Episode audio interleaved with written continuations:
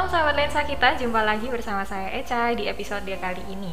Nah, di episode kali ini kita akan membahas tentang edisi spesial yaitu bertepatan tanggal 2 Mei kemarin kita merayakan se-Indonesia nih, kita merayakan tentang adanya Hari Pendidikan Nasional. Nah, di Hari Pendidikan Nasional ini tentunya kita melihat satu sosok seorang Bapak Pendidikan Nasional yaitu Bapak Ki Hajar Dewantoro di mana dia telah mengajarkan kita bagaimana pentingnya pendidikan itu dimulai dari dasar maupun hingga sekarang kita sudah dewasa. Ada tiga poin penting dalam semboyan yang dia uh, utarakan. Ada tiga semangat. Yang pertama adalah Engar Sosong Tulodo, yang kedua Eng Madio Mangun Karso, dan yang terakhir adalah Tuturi Handayani.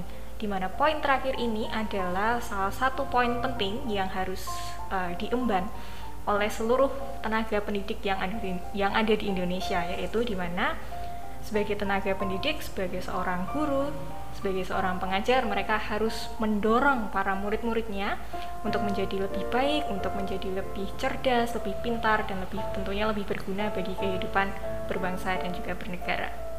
Untuk itu sekarang di studio kita sudah ada salah satu bintang tamu dari GKMI Solo juga yang adalah seorang tenaga pendidik di kelompok bermain kinasih punyanya GKM Solo ini ya. Ada Ibu Niken. Mari kita sambut Ibu Niken. Selamat datang Bu. Ya. Sehat-sehat kan Bu? Puji Tuhan Puji sehat. Tuhan, sehat. Pada momentum di Hari Pendidikan Nasional kemarin, eh, mengangkat tema serentak bergerak wujudkan merdeka belajar. Dan Kemendikbud juga mengatakan bahwa ini adalah momentum yang tepat untuk melakukan evaluasi dan revitalisasi dalam memaknai amanat konstitusi, yaitu untuk mencerdaskan kehidupan bangsa. Nah, bagi Bu Niken, makna Hari Pendidikan Nasional itu seperti apa, Bu? Eh, makna Hari Pendidikan Nasional bagi saya itu kita mengingat kembali perjuangan Bapak Pendidikan Nasional Indonesia Ki Hajar Dewantoro bahwa pendidikan bukan hanya untuk kaum tertentu saja seperti halnya dulu beliau mendirikan taman siswa bahwa pendidikan juga untuk kalangan pribumi bukan hanya untuk eh, orang-orang Belanda atau kalangan priai.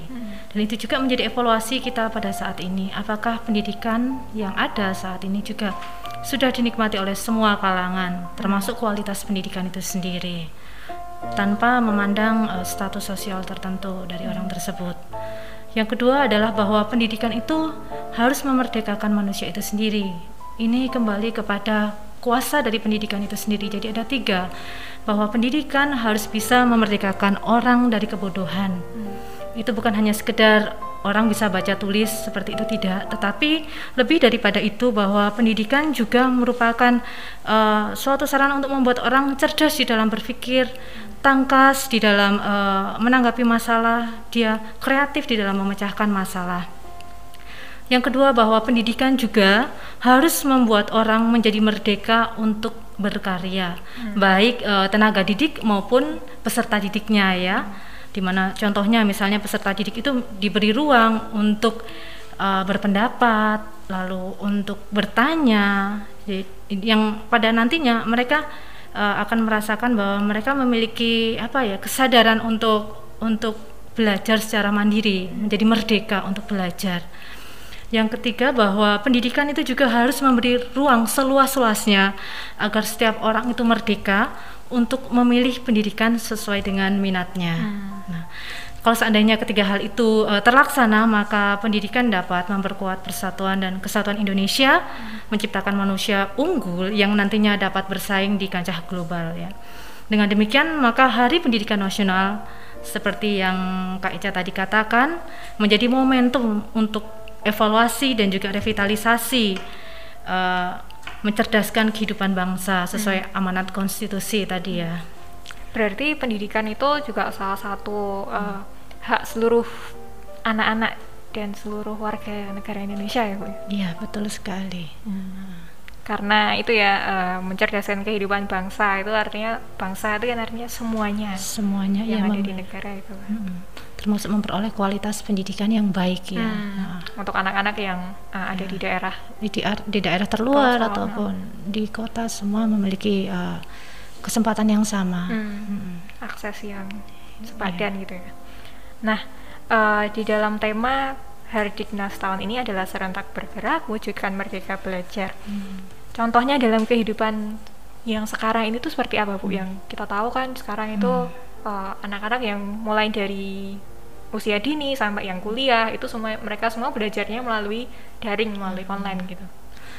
Uh, untuk mewujudkan kemerdekaan belajar itu uh, pendidikan melibatkan semua stakeholder hmm. atau pemangku kepentingan ya atau semua pihak yang terkait untuk mendukung pendidikan pendidikan itu sendiri. Jadi pendidikan bukan hanya sekedar tanggung jawab dari negara saja. Pendidikan bukan hanya tanggung jawab dari orang tua saja. Pendidikan juga bukan hanya tanggung jawab dari tenaga pendidik saja, tetapi semuanya bekerja sama, bersinergi untuk mewujudkan pendidikan itu sendiri. Hmm.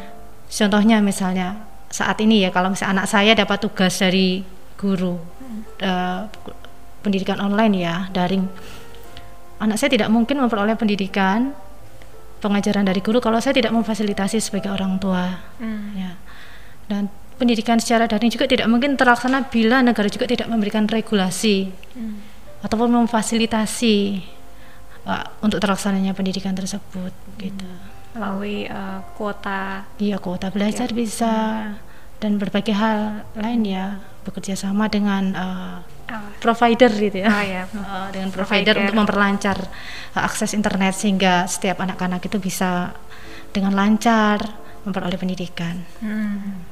Berarti uh, karena anak-anak ini kan belajarnya ada di rumah ya bu. Hmm -hmm. Bu kan sebagai uh, seorang ibu orang tua juga, hmm. anaknya umur berapa bu? 10 tahun 10 tahun berarti kelas 4 4 SD hmm. sebagai orang tua tuh juga di rumah tuh sebagai guru ya bagi anak-anaknya iya menjadi guru khususnya hmm. di masa pandemi ini jadi iya. harus kreatif jadi situ Jadi orang tua juga memiliki peranan penting ya. Hmm. Seandainya orang tua tidak uh, anak kesulitan dan orang tua diam saja, tentu itu kan tidak berjalan dengan baik. Hmm.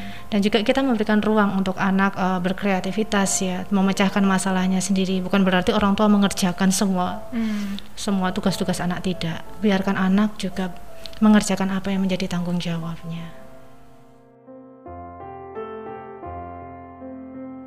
Kita sambungkan dengan uh, Hari Pendidikan Nasional dengan amanat agung sebagai hmm. kita sebagai terutama sebagai orang-orang Kristen, orang-orang percaya yaitu uh, amanat agung itu kan yang ini ya. Uh, pergilah jadikanlah semua bangsa muridku gitu kan, terutama yang bagian itu. Kita ada melihat dasar ayat pada episode kali ini di Markus 10 ayat 13 sampai 16 saya bacakan sekilas saja, biarkan anak-anak itu datang kepadaku, jangan menghalang-halangi mereka, sebab orang-orang yang seperti itulah yang empunya kerajaan Allah. Aku berkata kepadamu, sesungguhnya barang siapa tidak menyambut kerajaan Allah seperti seorang anak kecil, ia tidak akan masuk ke dalamnya. Apakah uh, sosok Yesus di dalam ayat ini itu mencerminkan bagaimana Yesus itu memberikan ketulusan dalam meng mengasihi anak-anak dan juga memberkati mereka menurut saya peristiwa ini suatu peristiwa yang mengagumkan ya hmm. kak. Uh, Tuhan Yesus di sini tampil sebagai pendidik yang agung menurut hmm. saya ya. Karena saat itu kita tahu bahwa secara sosial anak-anak itu tidak diperhitungkan atau menjadi kelompok yang tidak berdaya untuk menerima pengajaran. Hmm. Sehingga saat mereka datang kepada Tuhan Yesus, maka murid-muridnya menganggap mereka dalam dalam tanda kutip sebagai pengganggu ya. Hmm. Lalu bisa jadi orang yang mengikut Tuhan Yesus saat itu adalah dari kalangan menengah bawah, bisa jadi. Hmm. Tuhan Yesus mau menerima anak mereka dari eh, tanpa melihat strata sosial mereka. Mungkin ceritanya akan berbeda ketika yang datang itu anak-anak pejabat ataupun anak raja. Mungkin murid Tuhan Yesus responnya akan oh. akan menerima oh, mereka iya. Ya, tetapi Tuhan Yesus di sini menunjukkan bahwa dia sebagai pendidik yang agung, dia menerima, dia memeluk, dia memberkati, hmm. bahkan memfasilitasi mereka untuk memperoleh pengajaran. Hmm. Ya, Tuhan Yesus sendiri hadir untuk memahami uh, kondisi anak ya, sehingga ketika anak datang kepada dia, dia merasa nyaman. Hmm. Berarti dia mengetahui psikologis anak bagaimana yeah. dia harus mendekati anak-anak seperti itu ya, dan juga mengubah mengubah menjadi dari yang tidak berdaya menjadi berdaya, hmm. yang tadinya menjadi pengganggu, tetapi di akhir cerita dikatakan bahwa kita harus belajar dari anak-anak kecil. Yeah orang-orang yang dewasa tadi belajar dari anak-anak kecil berarti uh, Tuhan Yesus itu mengubah mereka dari itu tadi ya hmm. dari yang tidak berdaya. tidak berdaya menjadi sesuatu yang berdaya karena emang di masyarakat Mm-mm. Kayak contohnya sam- sampai sekarang ini ya Bu ya. Iya. Orang kan pasti apa sih anak kecil kalian tuh tahu Iya, apa? ha-ha, iya, betul. Misalnya misalnya nih uh, Yesus masih ada nih misalnya Hmm. sekarang. Mereka datang gitu. Eh, kamu jangan ganggu-ganggu guru ini. Kamu nanti itu mainan di sana, mainan di sana Hmm. gitu ya. Tapi Yesus mau merangkul mereka. sorry.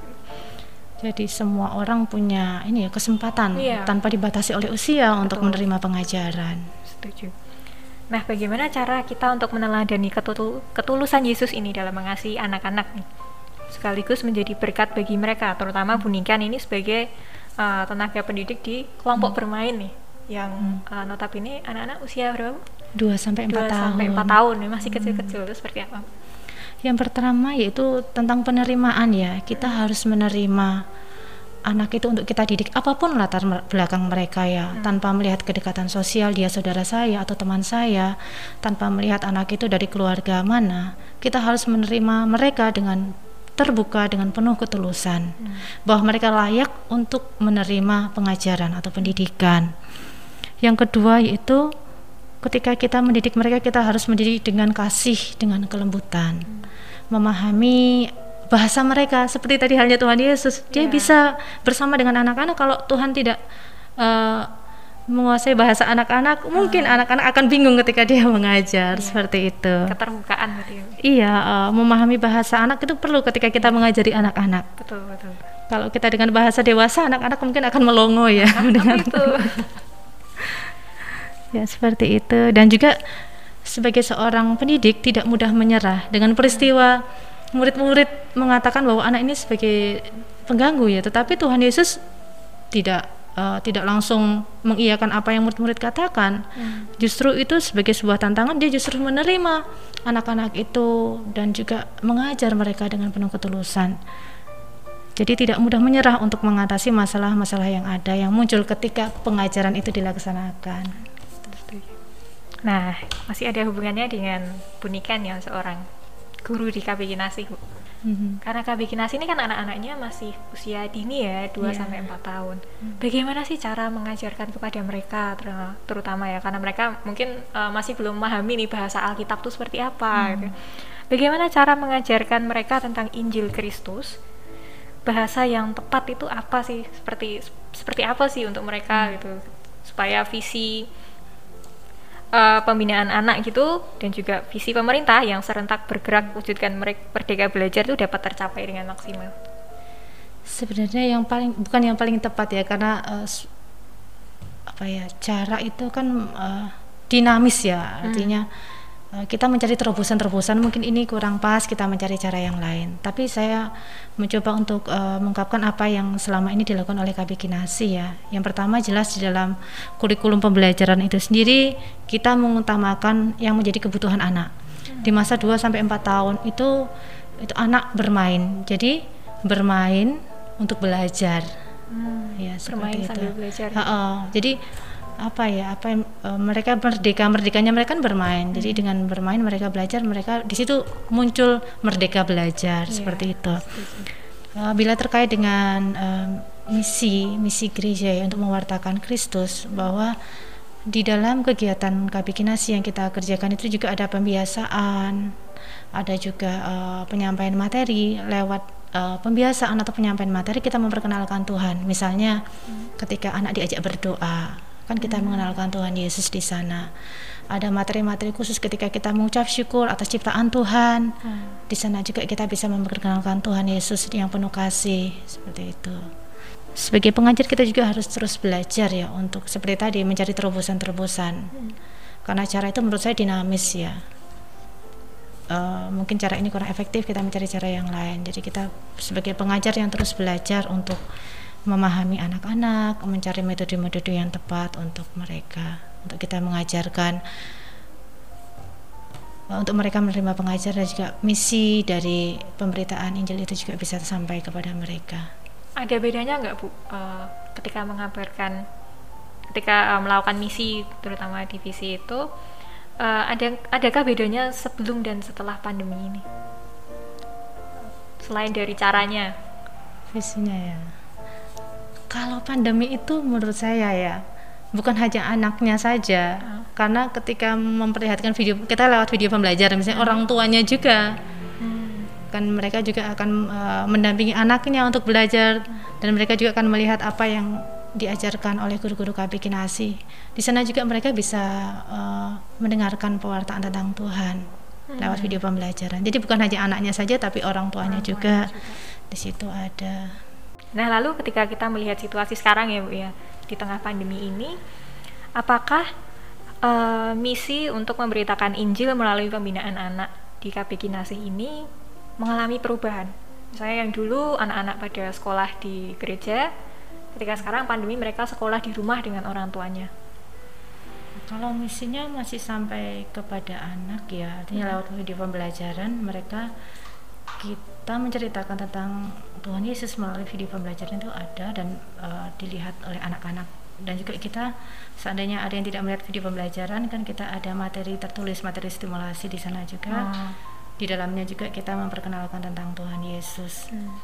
berubahnya adalah bahwa orang tua mengambil peranan penting. Jadi misi itu juga sampai kepada orang tua karena orang tua belajar dulu untuk mengajarkan kepada anaknya Hmm. seperti itu. Berarti perbedaannya dulu orang tua kan eh, nggak ikut mendampingi ya, Iya, di kalau di sekolah.